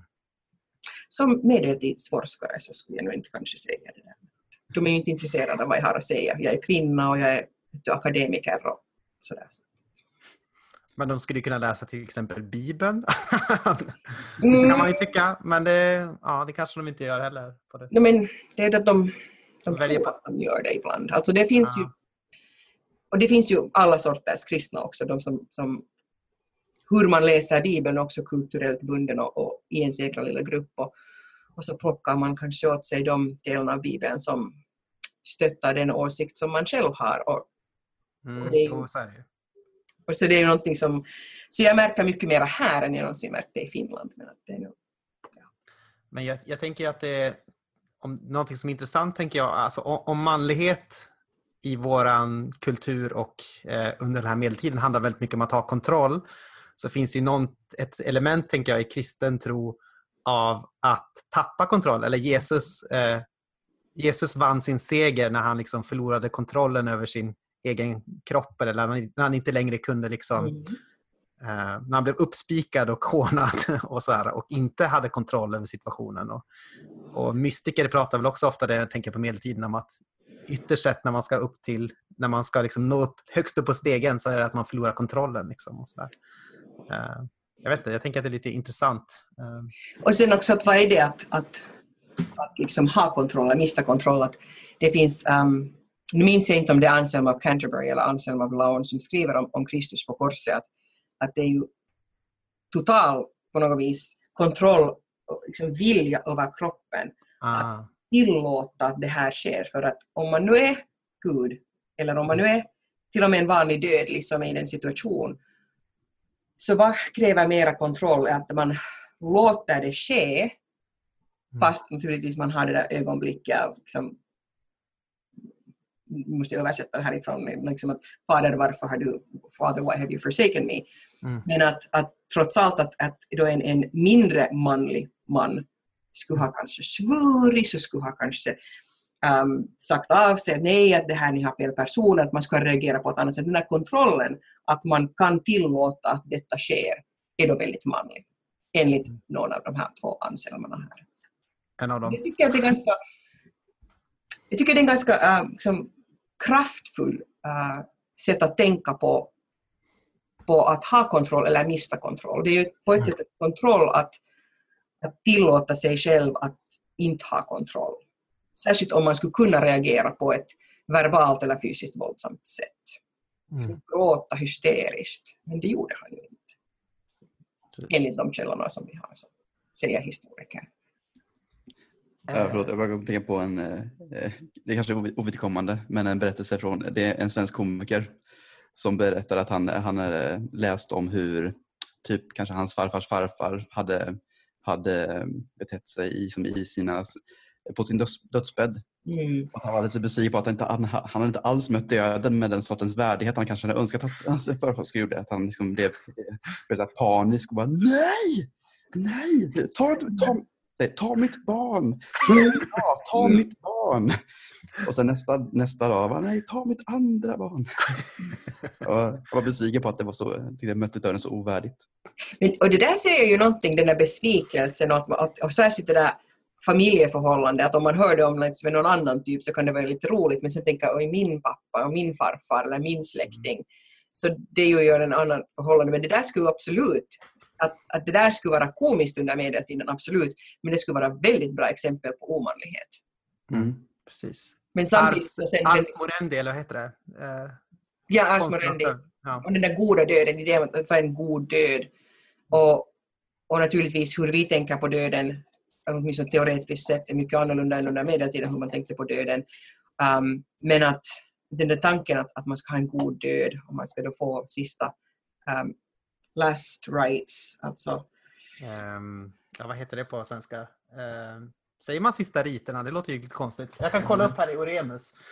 Nåja, bra, bra. Eh, det ska nog... Det är sådana här situationer som sitter alltid ah, ja, vad heter det månne på något annat språk? Kan det, vara, kan det vara den sista vägkosten? Jo, det kan det. Ja. det, kan det. Precis. Och att man ska då kunna liksom um, vikta sig en sista gång och få sakramentet sista gången och sen liksom den sista smör, smör, smörjelsen. Mm. Men att det liksom är, är någonting som är mycket viktigt under den här tiden och, och, och att man ska ha hela sin familj runt omkring sig. Det är därför pesten um, 1348 är så stor kris, eller inte bara därför, men det är en sak att folk dör så mycket, särskilt prästerna dör, att sen hur ska man liksom kunna få den sista smörjelsen sen där, att, att hur går det sen till?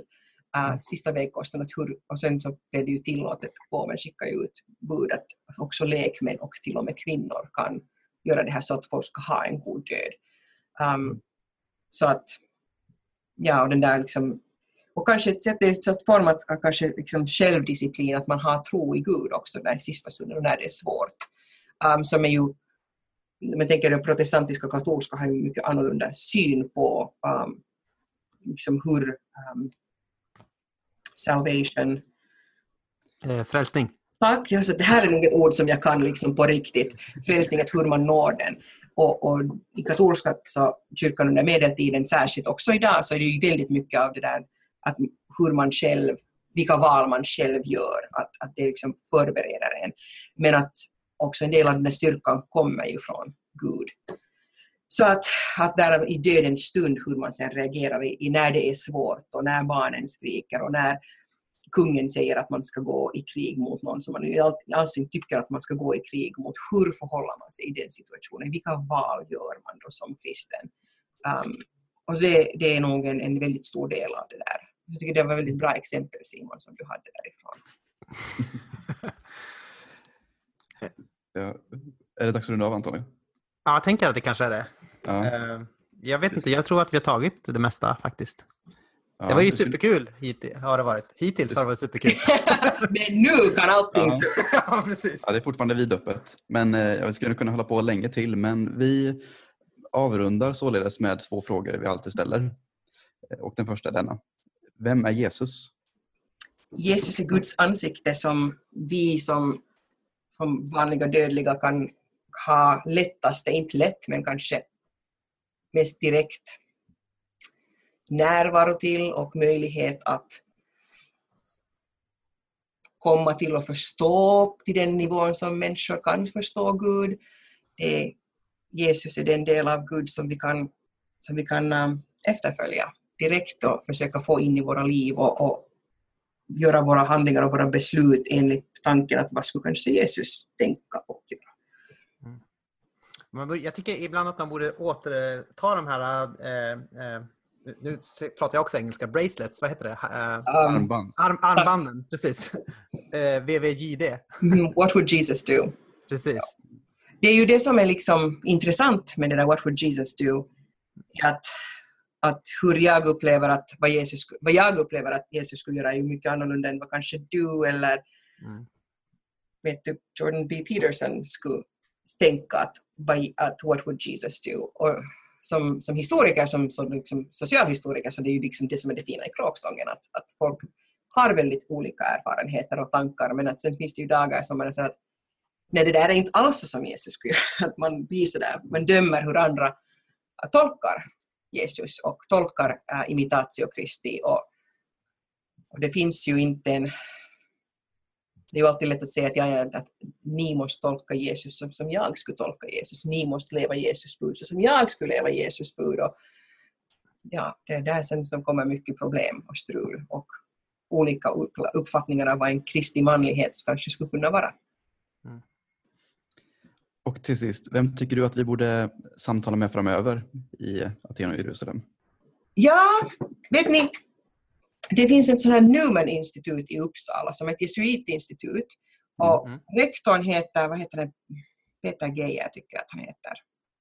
Mm. Och de har, jag har elever härifrån som har farit till Uppsala. Jag tror naturligtvis alla som, som far till Norden kommer och pratar med mig för att jag är liksom experten på Norden som är lite Förstås. lite, äh, ibland blir man lite till sig av det, men att, att de far dit och, och, och studerar um, liksom ekolo- det som jag skulle kalla humanekologi och um, sustainability. De läser teologi, filosofi och sen sån här samhällsmiljökunskap. Och de är, det är väldigt intressant. För oss är det ju hemskt normalt här vid ett jesuituniversitet um, med elever och professorer från många olika sorters religioner och bakgrunder och, och folk som är militanta ateister och folk som är ja, jesuitpräster um, som alla fungerar väldigt bra tillsammans. Väldigt beundransvärt.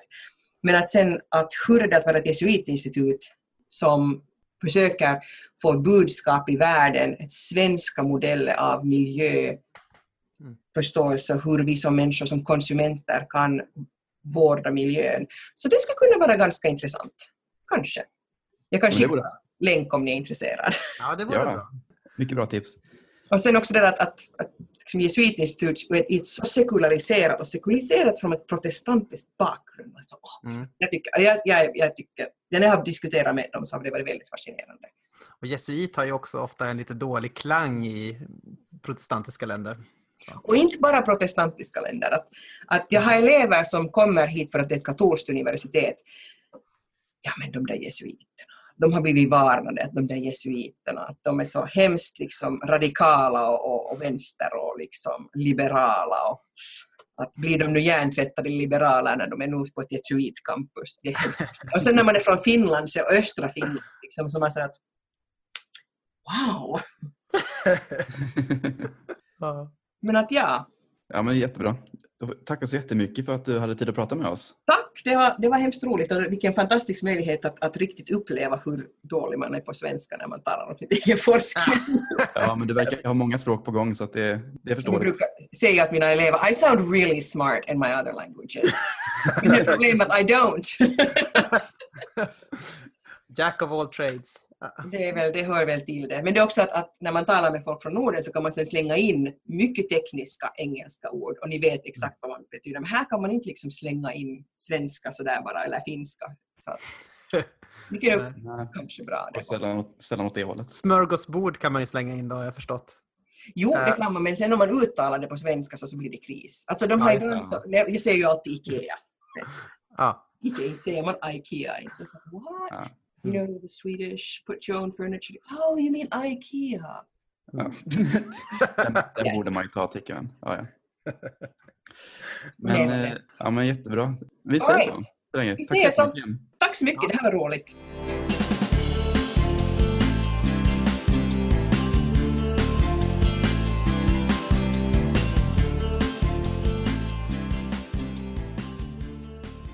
Så där du, Anton. Mhm. Det var väl kul. Oh ja, det var kul.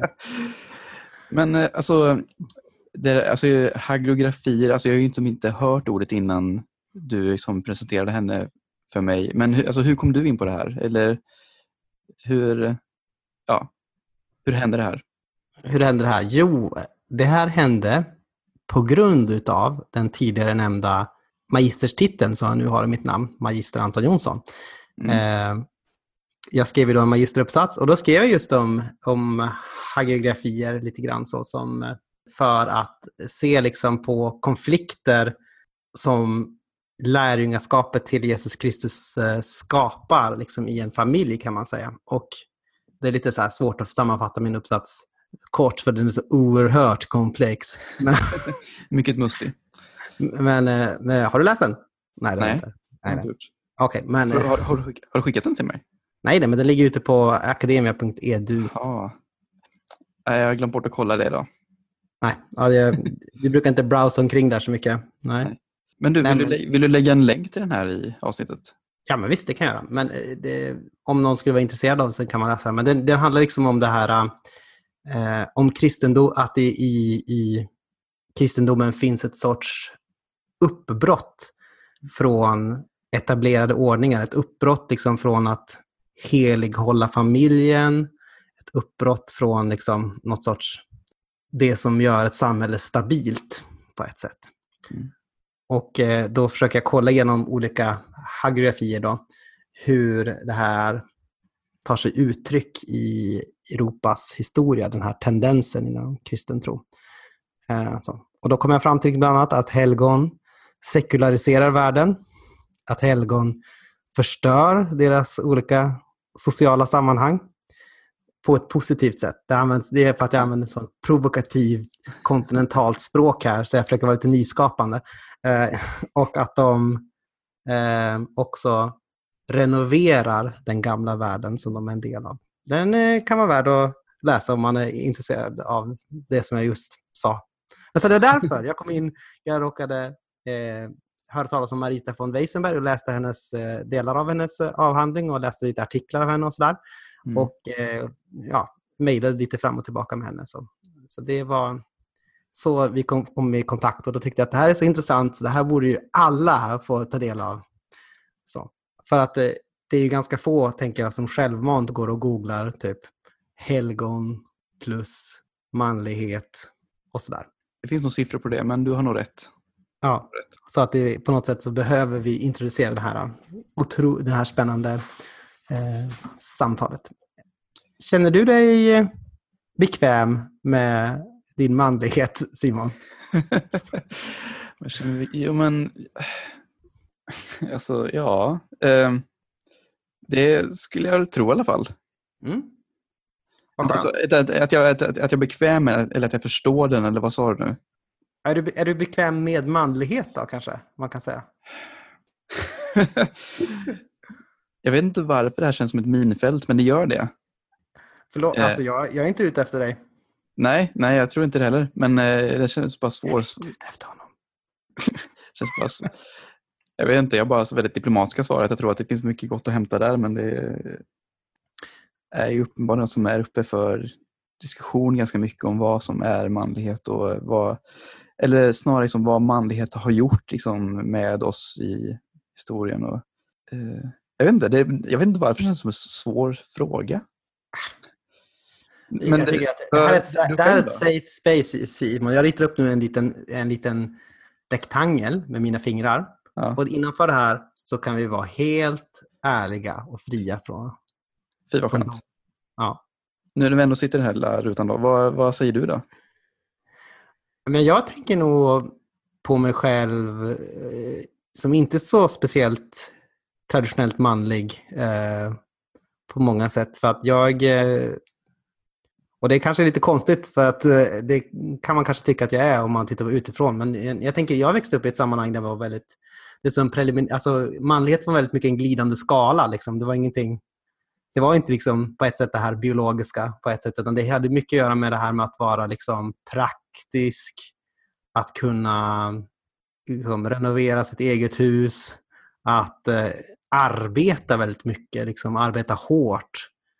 Eh, och att eh, det hörde samman med vissa sådana idéer, kanske också lite, lite så här eh, lovable gruffighet på något sätt. Men inte liksom inte så överdrivet kanske. Men så. Och samtidigt så tänker jag att det finns en sorts förhandling där för att eh, den här lovable gruffigheten var på något sätt sekulärt manlighetsideal. Skulle jag säga i församlingen så var det kanske lite mer så att där var ju ett tillfälle där män kunde liksom gråta och liksom ge hän och sig åt de här mer känslomässiga då, kvinnliga sidorna. Så Men jag har nog aldrig tänkt på mig själv som speciellt manlig eftersom jag just har den manlighetsbakgrunden. Så. Um, och så, att, jag ofta, att jag är lite mer teoretiskt lagd och liksom, uh, dålig på saker och lite klumpig. Typ, och sånt där. Alltså att, det, att jag uh, har tänkt ja. på mig själv liksom som lite utanför den kategorin. Så.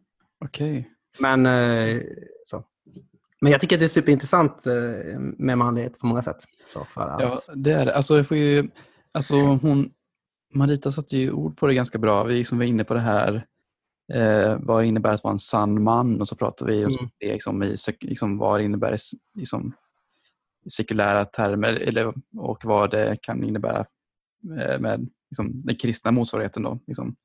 Eller för grejen är att jag tycker att, för att eh, alltså, jag har inte tänkt på det så klart liksom genom mitt liv. Men jag, men jag har liksom kanske alltid tyckt att det är eh, lite trubbigt eller svårt att, att liksom ringa in manlighet utifrån sådana enskilda attribut eller saker typ som du var inne på som typ mm. kanske att vara händig eller sådana saker. Utan snarare att jag liksom jag fick lite aha-ögonblick kanske av när hon liksom räknade upp de här liksom, eh, ja, när, vi prat, när hon pratade om sekulära manlighetsideal och då pratar man om sådana saker som kontroll och respekt. Mm. Och sen även också i vissa fall kanske till och med härska. Eh, men just den här grejen när vi pratar om, pratar om kontroll, liksom att man liksom har kontroll över, sin, över sig själv, att man har kontroll över sitt värv, liksom sitt yrke, det man gör sådär. Att man har kontroll över liksom, ja, men varje given situation. om Man säger. Det är mm. saker som jag, kanske, som jag nog liksom instinktivt har tänkt som... Eller eh, svårt formulerat, men det, det är nog så, jag känner igen dem. Det är snarare sådana saker som jag har sett hos män jag har sett upp till. Mm. Att det är män som har kontroll, som har koll, som, har, som är respekterade. Att det, jag, jag har inte tänkt jag liksom, när jag var liten tänkte inte liksom, i sådana termer men det var ju, så, det var ju mer sådana saker jag kanske mer tänkte på snarare än ifall någon var, om vi tar det, händig då. Mm. Samtidigt är jag som också uppväxt jättemycket kring väldigt händiga människor överhuvudtaget här kring, som egentligen med, på här, det är mycket bönder och hantverkare och vad du vill liksom, som jag är uppväxt bland och, och vårdarbetare och allt sånt där. Så, ja, men praktiskt lagda människor överhuvudtaget.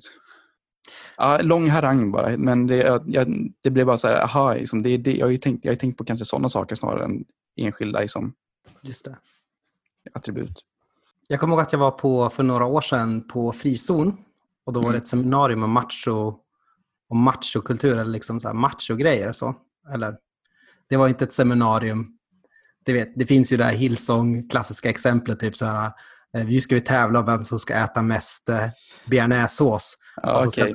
lite, lite bakgrundshistoria så är det att ja. ibland så anordnar det ju, det är väl Hillsong antar jag? Ja, jag tror det. Ja. Typ eh, mansdagar och kvinnodagar och då gör de, eh, och för, jag vet inte, vi själva har väl nästan uppfattat det som ganska parodiskt egentligen, så som man har, läst, mm. liksom, man har sett de här programbladen om vad de gör på de här dagarna och liksom det är Eh, det är hamburgare, det är barberare, det är köra motorcykel och, eh, liksom, och göra balla grejer. Och... Ja, det var ju, men det, det, klassiska exemplet var, var ju att jag hade en tävling på riktigt när de skulle typ äta så mycket bearnaisesås så mycket. Ja, det var det.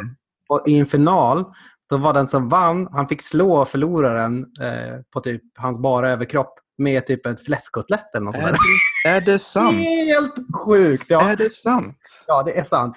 Det, det är faktiskt helt otroligt. Med, med, med, möjlighet att jag, miss, att jag inte kommer ihåg exakt vilken sorts köttbit det var man skulle slå förloraren med. Men det var ju, det, låter, det hör ju själva. Jag ger ett pass där. Okej, men, men hur som helst. Det, det var inte ett sånt eh, machoseminarium utan det var ett ställe där man skulle liksom problematisera det här med manlighet och macho och sådär. Mm. Och då sitter alla liksom så här, då var det typ tre i panelen. Och då sitter alla liksom så här och bara, mm, ja men det här med manlighet är så problematiskt. Macho, det är så sjukt problematiskt. Mm, problematiskt. Har jag sagt att det var problematiskt? Äh. Eh, så, om jag parodiserar lite. Och jag tänker att det är ett problem på något sätt att vi ser liksom en sorts tillbakasving på det nu. Eh, för att vi har hela tiden sagt, vi har, vi har egentligen bara problematiserat och sagt att det här med att det du är på något sätt, om du strävar efter de här idealen eller försöker vara manlig, då, det, det är liksom fel. Det du strävar efter är fel, eh, du är fel, du behöver omvända dig och bli mer androgyn eller något sånt där. Och sen så ser vi liksom andra änden av den, av den liksom pendeln nu, tänker jag, är att nu är det många som känner att de behöver återerövra det här med manlighet på något sätt. Att man bara, ja, nu ska vi ut i skogen och bygga saker tillsammans med Alexander Bard. Och Mm. Och skrika varandra i ansiktet i... Liksom. skrika varandra. Ja, ja, men precis. Och så här, incel-rörelsen, så här, att vi har rätt att ha sex och sådär. Och också kanske på viss del Jordan B. Peterson, som vi kanske kan komma in på lite mer, att den mjuka delen av det här då, att man liksom Ja, men res dig, var lite rak i ryggen och liksom, ha råg i dig och eh, liksom, stå upp mot kaoset i tillvaron typ, på något sätt. Att det hela tiden att det är liksom andra änden av det, eller andra pendelsvinget. Då, liksom. Att eh, först var det förneka allt det här, allt det här var dåligt. Och så sen så kommer nu det här tillbaka. Och jag tänker att inget av det här är ett särskilt bra alternativ istället. Alltså om man vore vis, eh, då vore man, skulle man istället säga så här, ja, men vilka värden i det här med manlighet och det här med macho, även om det är förvridet och dumt på många sätt, vilka värden i det här är det som är positiva? Vilka, vilka liksom dygder finns det här som ändå är positiva men som har blivit liksom skeva? Mm. Och hur skulle vi kunna liksom reformera dem eller eh, omforma dem till någonting som är positivt? Det tänker jag skulle varit en mer, eh, mer eh, lämplig åtgärd. För nu, är det liksom så här, nu svingar det så här. Först är det så här socialkonstruktivistiskt. Ja, men kön, det kan vi bara forma som vi vill. Och så nu kommer den här biologiska pendeln. Så här, ja, men evolutionen säger åt oss att vi män ska vara så här och så där. Mm. Eh, eh, lite grann. Och istället så kanske vi skulle säga så här, okej, men vilken sorts män, om vi inte tycker att den här manligheten är bra, vilken sorts manlighet vill vi ha istället? skulle vara en mer intressant fråga, en mer rimlig fråga, tänker jag. Och hur skulle vi kunna liksom skapa en god manlighet? Och då tänker jag som kristen till exempel att det måste ju vara modellerat efter liksom saligprisningarna, efter Kristus som är den som är liksom beredd att gå i döden för sina vänner men som inte liksom brukar våld, den som inte liksom utsätter andra för, den som inte liksom försöker skämma ut eller utnyttja kvinnor och sådär. Eh, det skulle ju kunna vara en liksom, det är hitåt vi vill liksom, med manlighetsidealet istället för att liksom, Preach. åka fram och tillbaka på den här pendeln liksom, på något sätt. Ja, för det är just den här sortens dikeskörningar som gör att man helt plötsligt står och moffar bea och slår en annan kille med en kotlett. Liksom. Man, blir, man blir typ tvungen att lätta på den ventilen på något vis och tror att det liksom är sunt på något vis eller, eller rimligt. Precis. Och då, då, då blir det bara att man bara helt plötsligt där i Hillsong-exemplet bara typ döper eh, hela liksom töntmanlighetskulturen rakt av. Ja, och sådär. Istället för att, för att det liksom är dit... Man känner sig på sätt hotad tror jag i, i, i vem man är helt enkelt. Mm. Så att man känner att man måste göra det. Döpa hela det här manlighetspaketet. Utan urskiljning typ. Mm.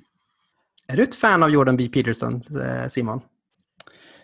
Eh, alltså, det vet jag inte vad jag skulle kalla mig, men, men, men du vet ju säkert att jag har läst lite kring... Alltså, jag, har ju som inte, jag har inte läst hans bok och så, Mm. men han slog igenom ett dunderbrak liksom i våras och när han släppte den här boken. Då, vad heter den nu? Eh, 12 regler eller vad något sådär va? Tolv Eller? regler till livet. Och, Ja. Eh, nej, jag ska inte säga att jag, jag är ett fan, men jag är väldigt intresserad av fenomenet. Mm. Eh, för han är liksom en psykologiprofessor från Kanada Mm. som har skrivit en bok med 12 levnads, levnadsregler som i sig är ganska liksom, enkla och straightforward. Men, men, det, men det verkar som att han kommer att fylla upp, har fyllt upp ett, det här tomrummet vi har pratat lite om Mm. för liksom, vissa killar, liksom, eller ganska många killar och män. Alltså till stor del också kvinnor. Då, men, men eh, har tagit till sig honom som en slags eh, hjälte nu.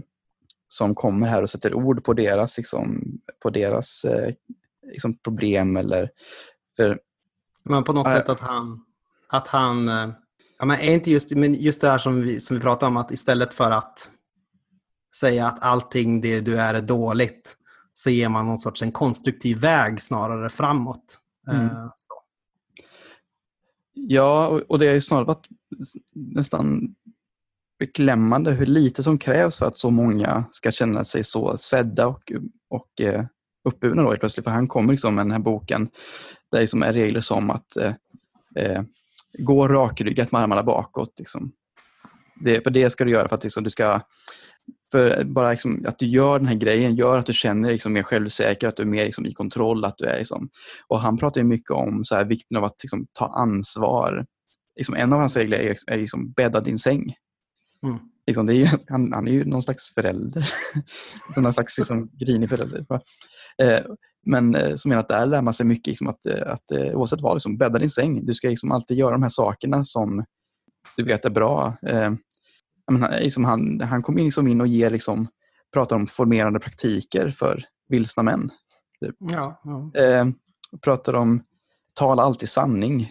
Och sen just då för att han har, har eh, blivit så upphöjd och, eh, och hyllad av, av många män så har, eh, jag vet inte vad det är just därför, men många har känt sig nödgade typ att eh, hugga ner honom eller, eller, liksom, eller kleta på honom etiketter som inte hör till honom typ. Liksom, och eller, eller mycket så här guilt by association-grejer typ. Att eh, jaha, de här, de här grupperna av män gillar dig, vad säger det om dig? Eh, sådär. Ja, jag, jag, liksom, det hade inte med mig att göra. Eh, Man kan till exempel, jag googlade alldeles nyss och då fick jag upp en bild på Jordan B. Peterson och i bakgrunden så var det alltså en bild från Handmaid's Tale med massor med så här undertryckta kvinnor liksom uppradade bakom sig. Så det är ett litet exempel där man försöker säga att han är, han är en elaking. ja, det är många som försöker få honom till att han är en slags alt-right-hjälte. För att det är många som, som tar det han säger och, liksom, och, och eh, tror att det är, och tror att det ger någon slags carte blanche att liksom, härska över andra eller, att, eller, eller liksom tvärt emot vad han kanske då vill egentligen då hänge sig åt, någon slags, åt någon slags toxic, mask, toxisk maskulinitet. Men, eh, men i själva verket så gör ju folk liksom tvärtom mot det han säger i så fall. När de inte, när de inte tar ansvar för sig själva och talar sanning. Och, ah, jag vet inte. Det, det, Ja. det är super, super snårigt för att eh, eh, för att han Svårt har, att veta vad som är den riktiga Jordan B. Peterson som Ja, lite så. Sen- Eminem skulle ha sjunga, sjungit. Will the real Jordan B. Peterson please stand up?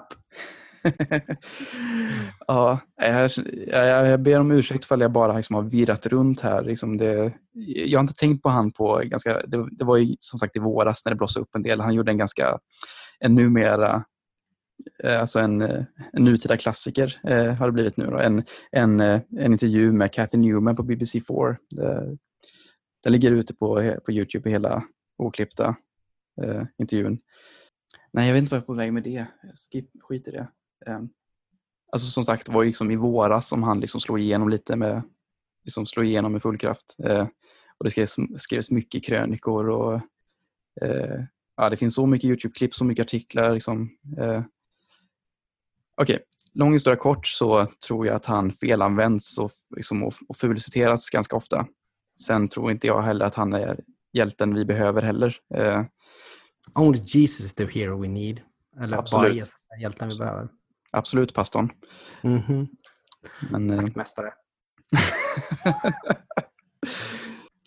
ja du, manlighet va?